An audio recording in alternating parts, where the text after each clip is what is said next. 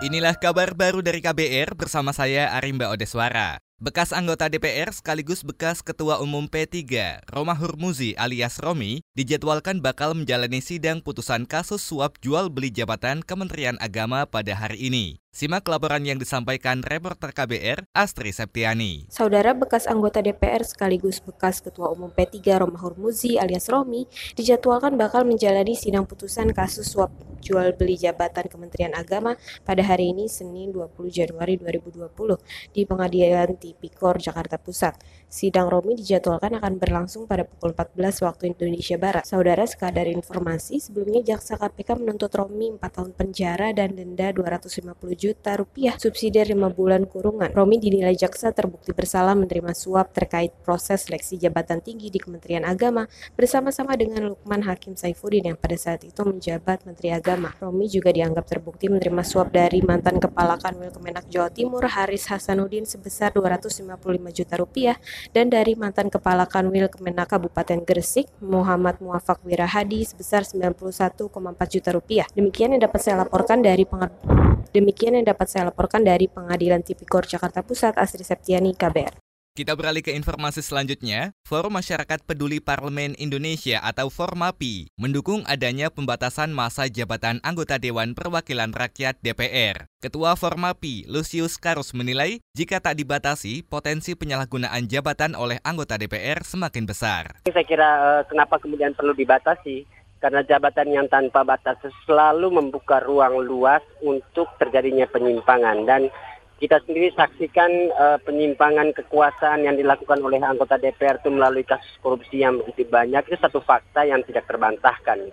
Standar di pilpresnya udah uh, dua periode, uh, seperti anggota DPR ini juga ya dua periode itu seperti jabatan-jabatan uh, eksekutif gitu ya. Sebelumnya, advokat Ignatius Supriyadi meminta Mahkamah Konstitusi atau MK menegaskan harus ada pembatasan masa jabatan legislatif baik itu untuk anggota DPR, DPD, DPRD provinsi maupun DPRD kabupaten kota. Menurut Ignatius, sejumlah pasal dalam UU MD 3 sesungguhnya sudah menyeratkan bahwa anggota legislatif hanya bisa dipilih untuk satu kali masa jabatan, yakni lima tahun.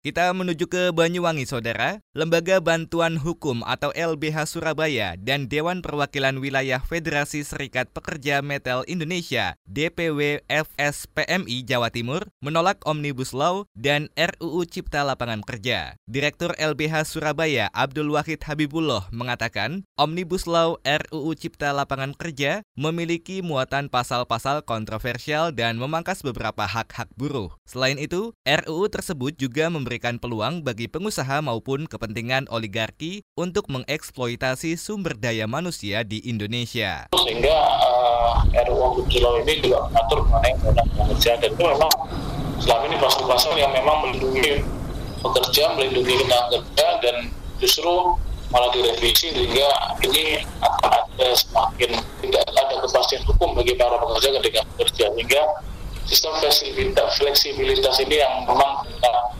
anggap bahwa sebenarnya pemerintah telah uh, melakukan pembiaran. Kata Wahid, RUU Cipta Lapangan Kerja akan menghilangkan upah minimum bagi buruh karena sistem fleksibilitas tenaga kerja dan sistem pengupahan yang diterapkan berdasarkan jam kerja. RUU ini juga akan menghilangkan hak pesangon buruh, sebab sistem pesangon akan diganti dengan tunjangan PHK selama enam bulan.